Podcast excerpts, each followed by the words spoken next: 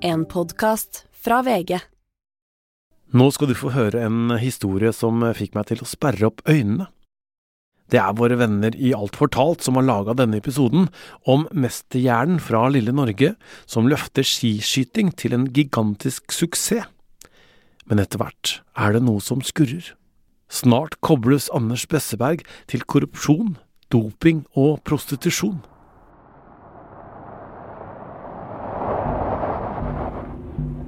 Politiet kjører i sivile biler på en grusvei opp mot et gårdshus. Fremme på gårdsplassen parkerer etterforskerne bilene og går inn døra. Her finner de et kontor og tar med seg både en datamaskin og en østerriksk mobiltelefon. Den mektige skiskytterpresidenten Anders Besseberg må forlate gården sin på Vestfossen utenfor Drammen denne ettermiddagen. Han setter seg inn i en politibil og kjøres til avhør i Oslo. Nå må han svare på etterforskerens spørsmål om korrupsjon, skjulte dopingprøver og eksklusive jaktturer med russiske prostituerte.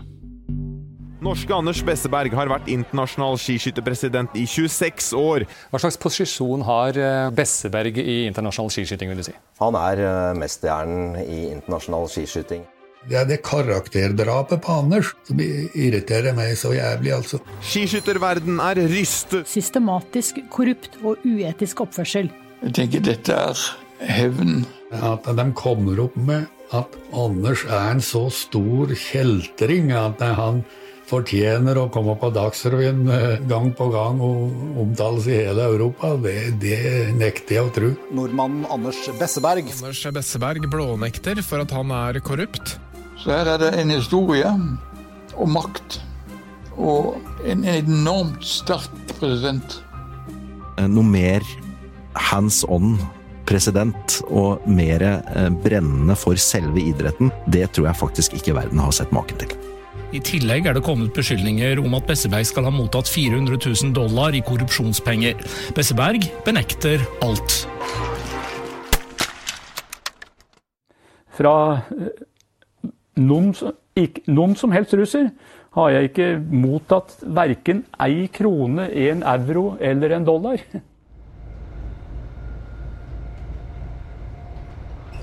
Hva skjedde med Anders Besseberg? Har russerne noe på han? Ble han lurt? Eller var det han som prøvde å lure alle andre? Dette er Skandalepresidenten, laga av Anders K. Kristiansen og meg, Christian Torkelsen. Neste stasjon er Vestfossen. Vestfossen ligger en times togtur fra Oslo. Litt vest for Drammen. Vi begynner her. Se for deg en liten gutt som går på ski til skolen om vinteren. Som elsker å være i skogen og få være med både sin far og bestefar på jakt. Han er odelsgutt og skal etter hvert overta familiegården Besseberg. Siden skal denne gutten bli så glad i jakt at du knapt kan bevege deg i huset hans uten å stikke deg på hornene til et eller annet jakttrofé. Han blir eldre og er den som gladelig trener barnebarnet sitt i skiskyting. Livet hans utspilles på to arenaer.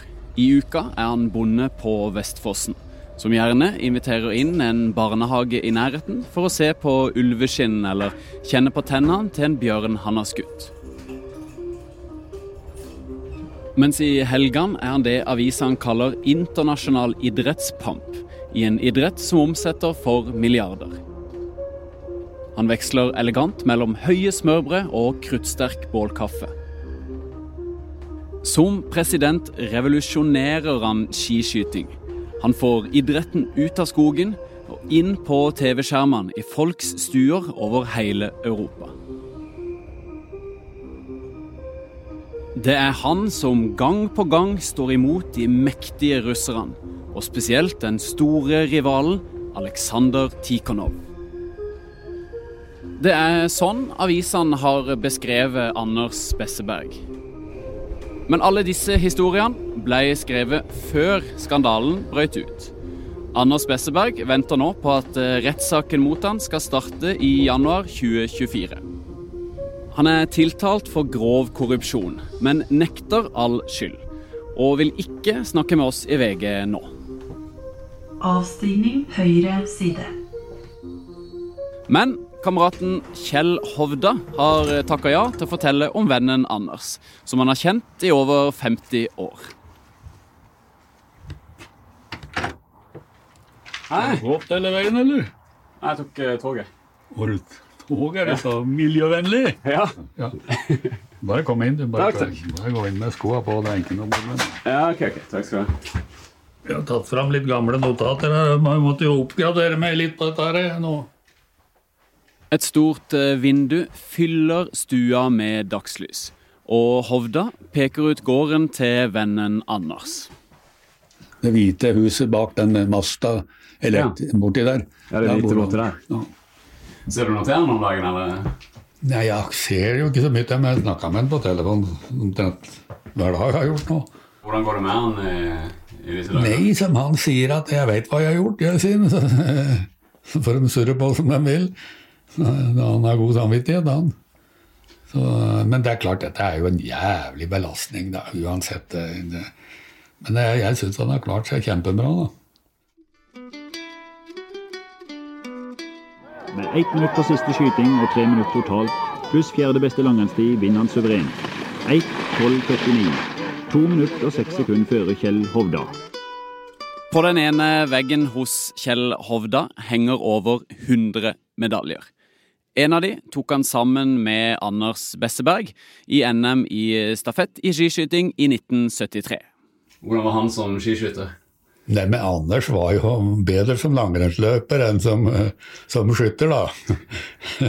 Så, men, men eh, han var jo i sjiktet etter de beste, da. Og, og god på ski, vet du. Det var skytinga som var problemet når han ble pressa, da. Etter karrieren som skiskyttere var over, skulle de to kameratene, Hovda og Besseberg, jobbe sammen som landslagstrenere. Først for det engelske landslaget, så det norske. De reiste og bodde ofte sammen.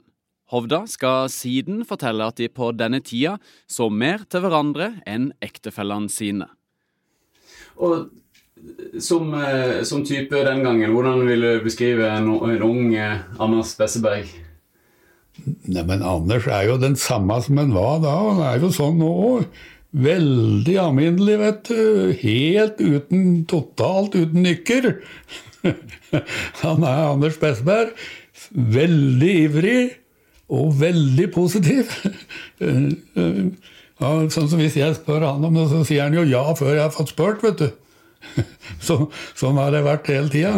Og, og, og, sånn er, har han overfor, vært overfor andre òg. Men jeg kan tenke, hvis det er noen som har ertene på seg, så kan nok Anders være stri nok, han, og vrang nok. Han, at, men, men da tror jeg på en måte du har, har oppført deg litt gærent imot Anders, altså.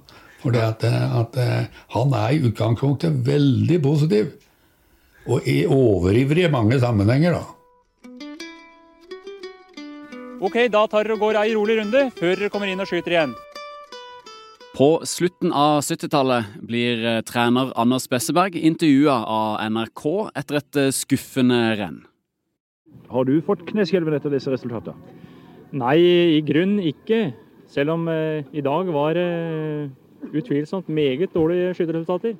Og du vet at det, Anders tok jo ordet momentant hvis det var noe som eh, ikke hva som det skulle være, eller noen spørsmål eller noen ting. Men han grep fatt i ting med en gang, og det er noe som er typisk for han. at. Han lar ikke passere. Og da ble han jo lagt merke til. Hovda forteller at Besseberg har enorm arbeidskapasitet og knapt trenger søvn. Han får ting gjort og er godt likt av alle nasjoner. Da det nystifta internasjonale skiskytterforbundet skulle velge president, blir det hans gode venn. Han er vel den eneste presidenten han kunne godt ta børsa til en av skiskytterne og skyte inn den, altså. Sjøl nå ville han kunne klare det. Og han, han setter seg inn i alltingen, så han kan det meste omkring arrangement og alt sånt noe. Ja, jeg er eh, Anders Besseberg, og eh, er da president i Det internasjonale skiskytterforbundet. Og Anders drifta jo dette her akkurat som en drifta gården sin, veit du. Nøkternt.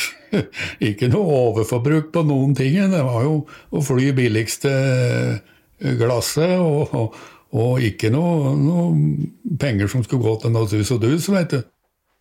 Hovda får det ikke til å henge sammen med tiltalen for grov korrupsjon. Det er ingen, ingen idretter som, som, som, har hatt den framgangen både publikumsmessig og økonomisk som det skiskytingen har hatt gjennom Anders sin, sin uh, styringsperiode, vet du. Det er jo helt beviselig at den har gått veldig bra, da.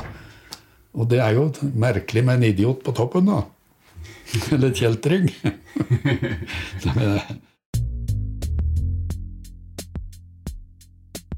Så Hovda har ingen tro på beskyldningene mot Anders Besseberg. Hvorfor skulle vennen som gladelig kjørte en slitt gammel traktor på gården, risikere alt han har bygd opp for penger? Han som knapt nok tok seg betalt for jobben som president? Men Besseberg har vært en del av en tøff maktkamp. Og nå skal du bli kjent med en kontroversiell person i skiskyttersirkuset som har blitt eh, fremstilt som en slags nemesis, eller erkefiende, til Anders Besseberg. Han er russer, tidligere skiskytter, og heter Aleksandr Tikhonov. Så har vi nummer 49, sovjetrusseren Aleksandr Tikhonov, grossist i VM-titler. Han skjøt godt, og godt på ski har han alltid kunnet. Fortell litt om Tikhonov som, som skiskytter, når han var aktiv ennå. Ja, han var jo, var jo litt, litt, som Anders, da, bare enda bedre da, som langrennsløper. Og relativt dårlig til å skyte, da. Men det var klart at han gikk jo så jækla fort vet du, at han, han kompenserte for mange bommer. da, men... Her kommer russeren. Da tror jeg at eh, Kjell Hovda faller av lasset, som det heter. Men, men Dikano, han, han var jæklig god på ski, altså. Så, men hvor Alex mat han gikk på, vet du, det er jo ikke godt å vite. Det var jo dopa alle sammen i en periode, vet du. Tikhonov har eh, tidligere benekta å ha dopa seg. Etter tida som skiskytter var over, ble han sjef for det russiske skiskytterforbundet. Men Tikhanov hadde større ambisjoner enn det. Det kommer vi tilbake til. Hovda strekker seg fram over bordet, der det ligger avisartikler, notater og bilder. Har du Tikhanov der? Er det der og Tikhonov er det? Ja, ja. Han holder opp et gammelt bilde som har mista fargene litt, av Tikhanov og seg sjøl. Russeren, som har en sentral rolle i denne historien, har på seg skjorte, slips og skinnjakke, og han legger armen rundt skuldra til Hovda, begge to smiler. Kjente hverandre jævlig godt, vi. Ja. Han hadde kallenavn på meg. da. Smørbukk kalte han meg. Bare sånn på leven. Neimen, han er jo veldig karismatisk, vet du. Ja, ja, ja, ja. Og, og han røyka, vet du, bare sånn, han bare sånn på leven svelga røyken og blåste ut igjen og tok den ut igjen. Og, og tryll, med fingra, tryllekunst liksom med fingra. Jækla flink, vet du.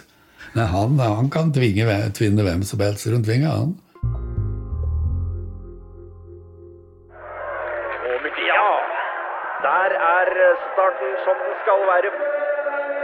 Velkommen, Andreas Stabrun Smith, skiskytterkommentator her i NRK. Andreas Stabrun Smith er for mange lyden av skiskyting. I Østersund, og han er 5,4 foran Osteogov. Han reiste til steder som Finland, Sibir og Mellom-Europa, og møtte stadig på Anders Besseberg. Besseberg han, han er en eh, jordnær fyr.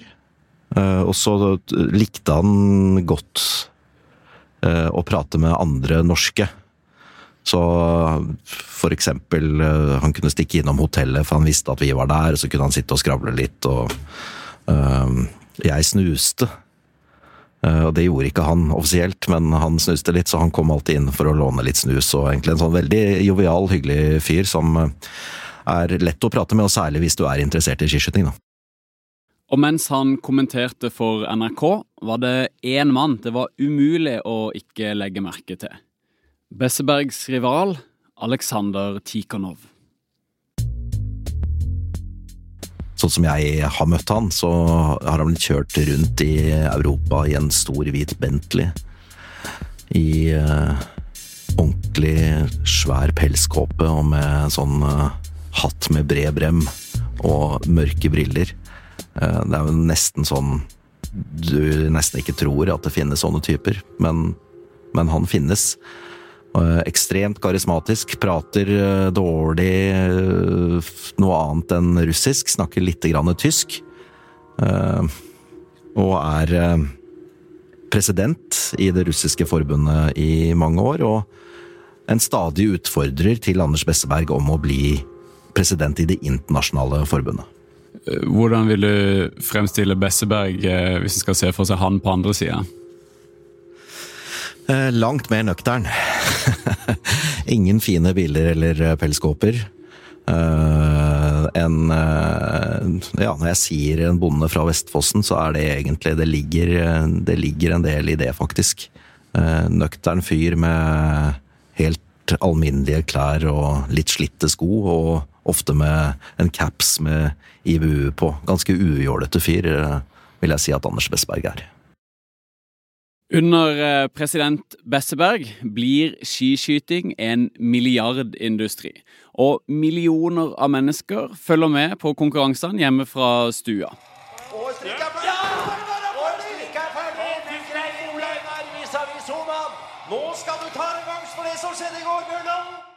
Men selve organisasjonen IBU er ifølge Stabrun Smith styrt av få personer.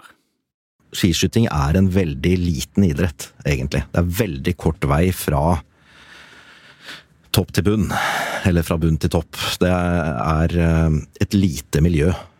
Det er ikke noe svære greier, selv om det er blitt en milliardindustri på liksom hva kommer til TV-inntekter og sånt, så, så har skiskyting alltid vært veldig, veldig lite. Litt sånn Flåklypa-aktig, egentlig. Litt sånn øh, noen typer her og noen typer der, og så og fra litt ulike nasjoner og sånn. Og så og så er ikke veien til de store beslutningene så veldig lang.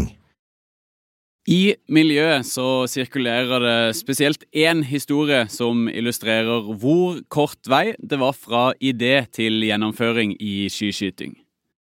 En sen januarkveld i Anterselva, og der satt de tre herrer, Anders Besseberg, Kjell Kristian Rike og Jakob Lund, og drodlet hvordan kan vi få til dette med en fellesstart.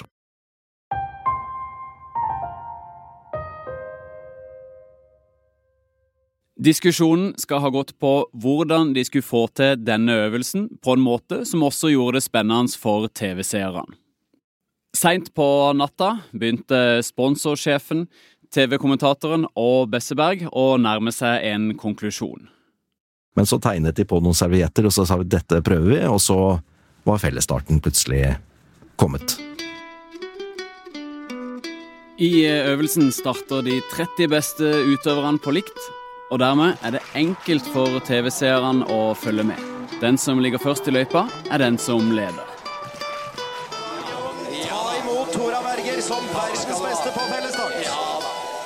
Tora Berger.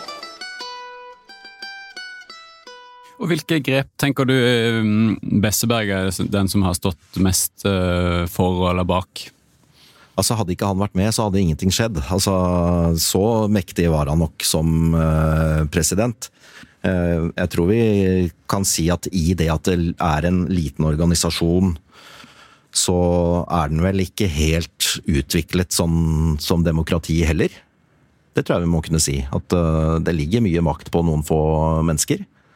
Men så lenge de menneskene har den teften som Anders Besseberg hadde på denne tiden, så er jo det det beste, nesten.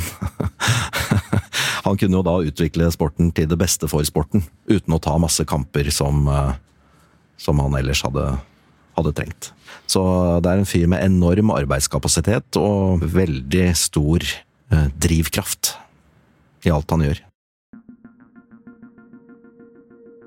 Ok, så Besseberg elsker skiskyting. og bruker makta si til å gjøre sporten enda bedre. Men det er folk som vil ha jobben til Besseberg. For å forstå maktkampen om presidentjobben skal vi til Bergen og møte den allerede nevnte sponsorsjefen Jakob Lund. Han jobba tett med Besseberg i nesten 20 år, og fikk oppleve rivaliseringa på nært hold. Hei. Hei. Hva skal du? Er det VG? Ja, stemmer. Du har hørt jeg kommer? Ja. Ja, bra. Lund er pensjonert nå, men er ikke i god form. Han har vært gjennom blodforgiftning, havna i koma og kjempa mot kreft. Men han er klar på at han gjerne vil snakke om Anders Besseberg. Jeg møter han på et eh, rehabiliteringssenter i Bergen i slutten av august 2023. Det meste er rydda i området, men God dag, Jakob. Hyggelig å se deg. Godt nyttår. Ja, godt nyttår. Han ligger i ei seng med ei pumpe som skal forhindre liggesår. Det er den du kommer til å høre litt innimellom. Lund har eh, fått med seg beskyldningene mot Besseberg, men får det ikke til å stemme. Han var jo ekstremt kritisk til alt er det juks. Alt juks. Så havna han oppi de greiene her. Nå, det er for meg ubegripelig. Hvor tror du skiskytinga hadde vært uten Anders Besseberg? Det hadde, ikke- det hadde ikke vært noe. Men ifølge Lund har Besseberg én stor svakhet. Er sykelig opptatt av jakt. Helt vilt. Det svakeste punktet han har. Han er lidenskapelig jeger. Nesten sykelig. Og nå skal du få høre ei jakthistorie som Lund mener var ei felle. Vi begynner dypt inne i Russland, i Sibir. Dette er en historie Lund også har fortalt i selvbiografien sin 'Sponsorkongen'. Det er rundt år 2000 og sesongavslutning. Russerne arrangerer fest. Stor stemning og mye folk. Det er herskapelig slott vi er på. Og Aleksandr Tikhonov dukker opp også her. Hver gang han så meg, så sa han bare bamsemums. Lund visste at uh, Tikhonov drømte om å bli president i IBU. Så Tikhonov gikk og sykla sikla etter den jobben der. Så kommer russeren med et overraskende tilbud. Spurte om jeg ville være med på, på bjørnejakt på helikopter neste morgen. Greia var at vi skulle fly, finne tid, lande, skyte en røykgranat inn i hiet, få ut bjørnen, og så tar han. Bjørnejakt fra helikopter, hvor hun skyter røykgranat inn i hiet for å få ut bjørnen. Jakob Lund tenker seg om. Og det tenkte jeg ja, faen, det har jeg aldri vært med på før. Jeg sa ja. Og så går han bort til Anders Besseberg og spør han om det samme. Og Anders ser på meg, og så jeg sa ja, jeg har sagt ja, sa jeg. Ja, han vil jeg bli med meg også.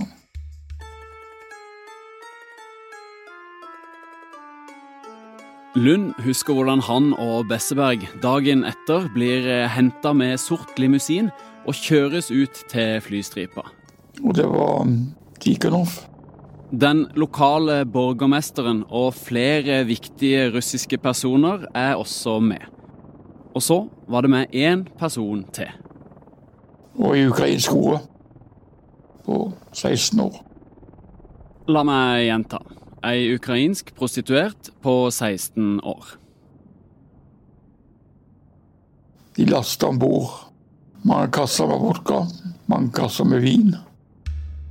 Lund husker hvordan han, russerne, Besseberg og den 16 år gamle prostituerte tar av og flyr utover det nær endeløse snødekte landskapet. Så kjørte vi i to timer utover i Sibir. Framme etter et eh, par timer i lufta lander transporthelikopteret.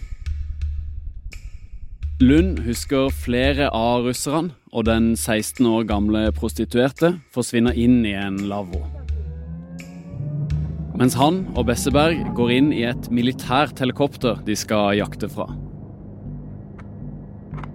De får utdelt hvert sitt gevær. Helikopteret tar av, og de suser over tretoppene. Jeg var livredd. Og han piloten stupte ned mot dyr. Han trodde det var hi. Det var en helt ubeskrivelig opplevelse.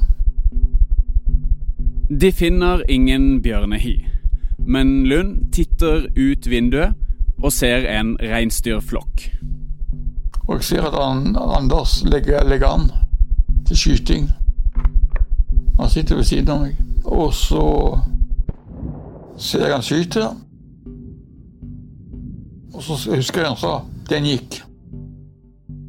Så måtte piloten ned og lande. Stupe ned og landa ved siden av og landa i den nysnøen. Og Anders siger ned i snøen. Og så kaver han da med å få det dyret om bord i helikopteret. Så ligger det på gulvet der og blør. Piloten tar av og setter kursen mot lavvoen og resten av følget. Så kom vi tilbake igjen til den leiren, lavvoen. Det viste seg at på utsida der var det en geysir, badebasseng. En av russerne vil ha med Besseberg og Lund på et bad. Jeg hadde ikke med noen badeklær, men må ta av alt. Og vi er ute der og bader og koser oss. Anders naken og han naken sjøl. Russerne griller reinsdyret og deler det opp i små biter. Drakk vi kosa oss der. Så gikk klokka. Det var avslutningsdagen for verdenscupen det året. Så Anders skulle tale inn i byen. Og så på klokka så sier Anders vi må jo tilbake igjen. Det tar jo tre timer fly. Lund husker han fikk beskjed om at det var ingen grunn til bekymring. Og klokka gikk. Jeg skjønte fort at det rakk, rakk vi aldri. Aldri i verden. Tida går før de kommer seg av gårde. Altfor seint til å rekke middagen hvor Besseberg skal tale. Idet de er tilbake, er middagen Besseberg skulle tale i, over. Deltakerne strømmer ut av lokalet og får se de to nordmennene. Alle liksom bare gikk bort og så på oss og gikk inn. Det var ei felle for å drite han ut. Tikhonov, han ville ha jobben Anders. Det var en del av spillet. Skiskyting var nå blitt en så stor og lukrativ idrett at eh, flere ville ha en del av kaka. Lund mener denne historien viser maktkampen rundt presidenten.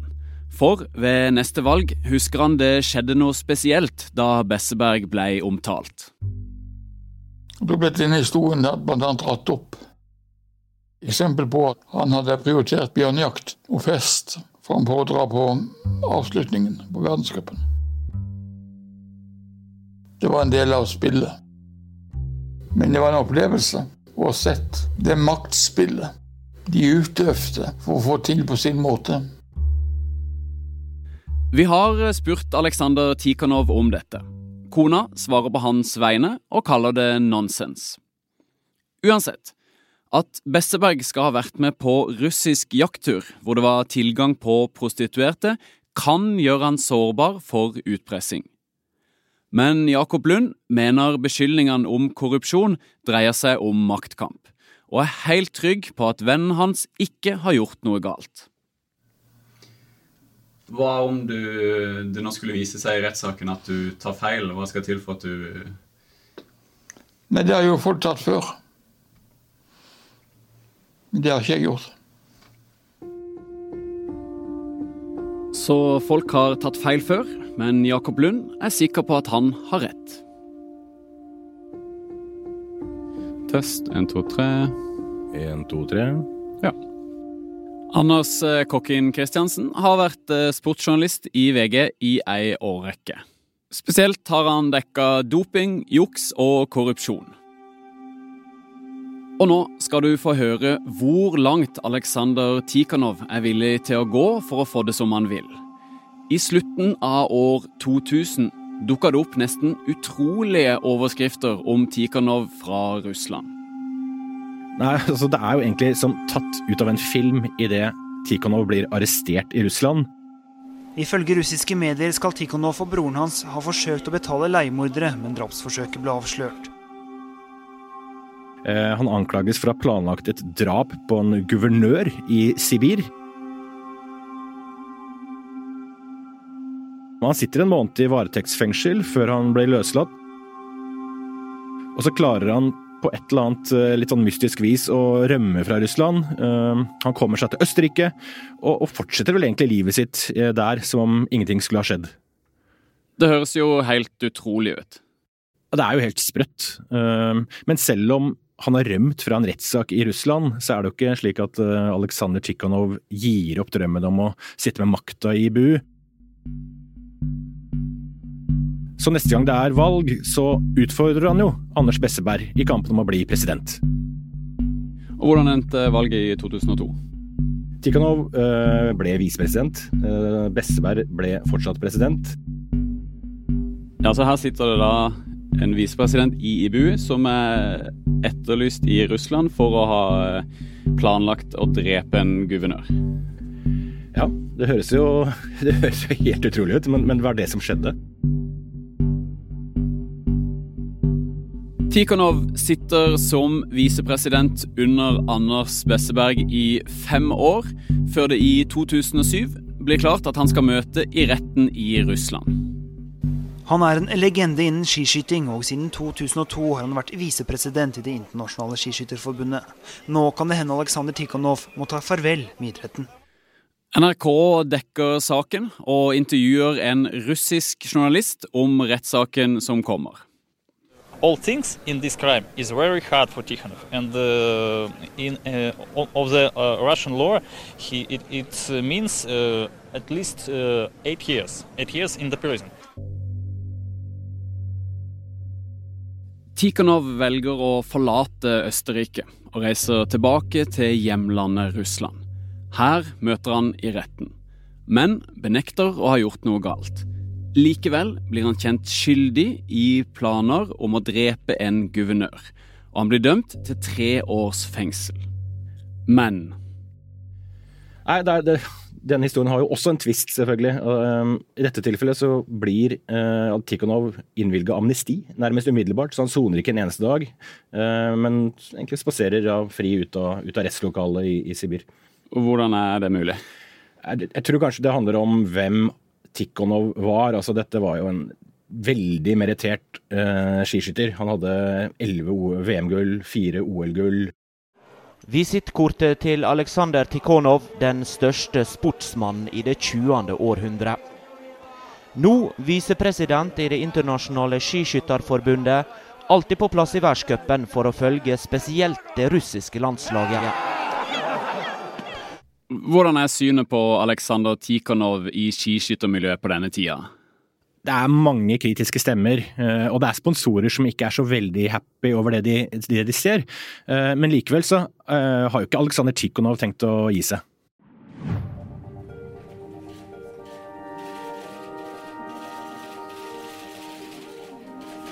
I 2009 skjer det noe som skal ryste skiskyttersporten og skape overskrifter verden over. Det er verdensmesterskap, og skiskytterne er på plass i Sør-Korea. Bare noen dager før konkurransene starter, kaller IBU og Anders Besseberg inn til pressekonferanse. Foran TV-kameraene, omgitt av mikrofoner, forteller Anders Besseberg at tre russere er tatt for en helt ny type doping. Og han leser opp navnene på de tre russiske utøverne. Dette er jo en kjempenyhet som får eh, oppmerksomhet over eh, store deler av verden. Eh, og Det handler nok litt om at det er Russland og hvilke utøvere det er snakk om. For dette er jo også noen av de aller, aller beste. Og Anders Besseberg må svare på ei rekke spørsmål om russisk doping. Når det er tre utøvere fra samme lag som er tatt, så eh, regner vi ikke at dette er helt tilfeldig. Han er veldig tydelig eh, og veldig kritisk til russisk skiskyting. Eh, og Besseberg går også langt i å antyde at dette bare er toppen av et isfjell. Kan det stemme at Besseberg skal ha fått penger av russerne, når han så tydelig taler de midt imot? Besseberg skal uansett få enda et problem. Da NRK møter visepresident Tikhonov på en parkeringsplass og spør hva han tenker om de russiske dopingprøvene. Hans eget forbund IBU har kasta tre russere ut av VM for dopingbruk. Likevel nekter den mektige visepresidenten Aleksandr Tikhonov å godta at russerne juksa. Utøverne er uskyldige, sier Aleksandr Tikhonov. Og den uttalelsen gjør Anders Besseberg oppgitt. Jeg ønsker ikke å kommentere kolleger i mitt eget styre. Men jeg tror dessverre, ut ifra det som er avslørt i russisk idrett over bare det siste året, bekrefter at i, dessverre, i et av våre medlemsforbund, så er det en ukultur når det gjelder doping. Forholdet mellom Besseberg og Tikhonov blir på denne tida beskrevet som en isfront. De sitter jo i styret sammen, men det rapporteres at selv når de er i samme rom, så holder de avstand og setter seg gjerne med ryggen mot den andre. NRKs Andreas Stabrun Smith får oppleve det på nært hold. Utad så var det bitre fiender, rett og slett. Så den gangen var de ikke gode venner, det er helt sikkert. Noen år senere så skjer det noe helt eh, spesielt. Ja, da dukker det opp en uh, varsler eh, som sier at han var på kontoret til to russiske idrettsledere. Den ene var Aleksandr Tikhonov. De diskuterte en koffert som inneholdt 300 eller 400 000 dollar, og de snakker om hvordan den da skal ha blitt overlevert til Anders Besseberg. Hør neste episode av Skandalepresidenten om mistanker, russere og razzia. Jeg ble jo uh, veldig overraska over at noen som oppi dagen kunne uttale en så tydelig støtte av hvordan russisk idrett driver. Vi har eh, lagt fram alle beskyldningene som kommer fram i denne podkasten for Anders Bessebergs advokat. Han svarer. Besseberg vil forklare seg om anklagene mot seg i rettssaken i januar, og verken han eller vi ønsker å forhåndsprosedere saken i media. Aleksandr Tikhanovs kone Maria svarer som sagt på vegne av sin mann, og skriver til oss at hun ikke ser noe poeng i at mannen skal kommentere det hun kaller 'this nonsense'. Hun skriver videre at eh, Tikhanov har blitt svartmalt hele veien, at det meste er tatt ut av sammenheng, og at eh, fortellingene om han i media er ensidig. Hun påpeker at ektemannen er en som elsker idrett, og som har verdsatt egne og andres idrettsprestasjoner i sin tid som sjef for russisk skiskyting. Videre hevder hun at Aleksandr Tikhonov ikke har møtt Anders Besseberg i tida han skal ha fått en koffert. Tikhonov har også sjøl sagt tidligere at han ikke har møtt Besseberg siden 2010. Dette var episode én av eh, Skandalepresidenten. Det skjer masse spennende i neste episode, og du skal høre hva som skjer i Canada, Russland og i Norge.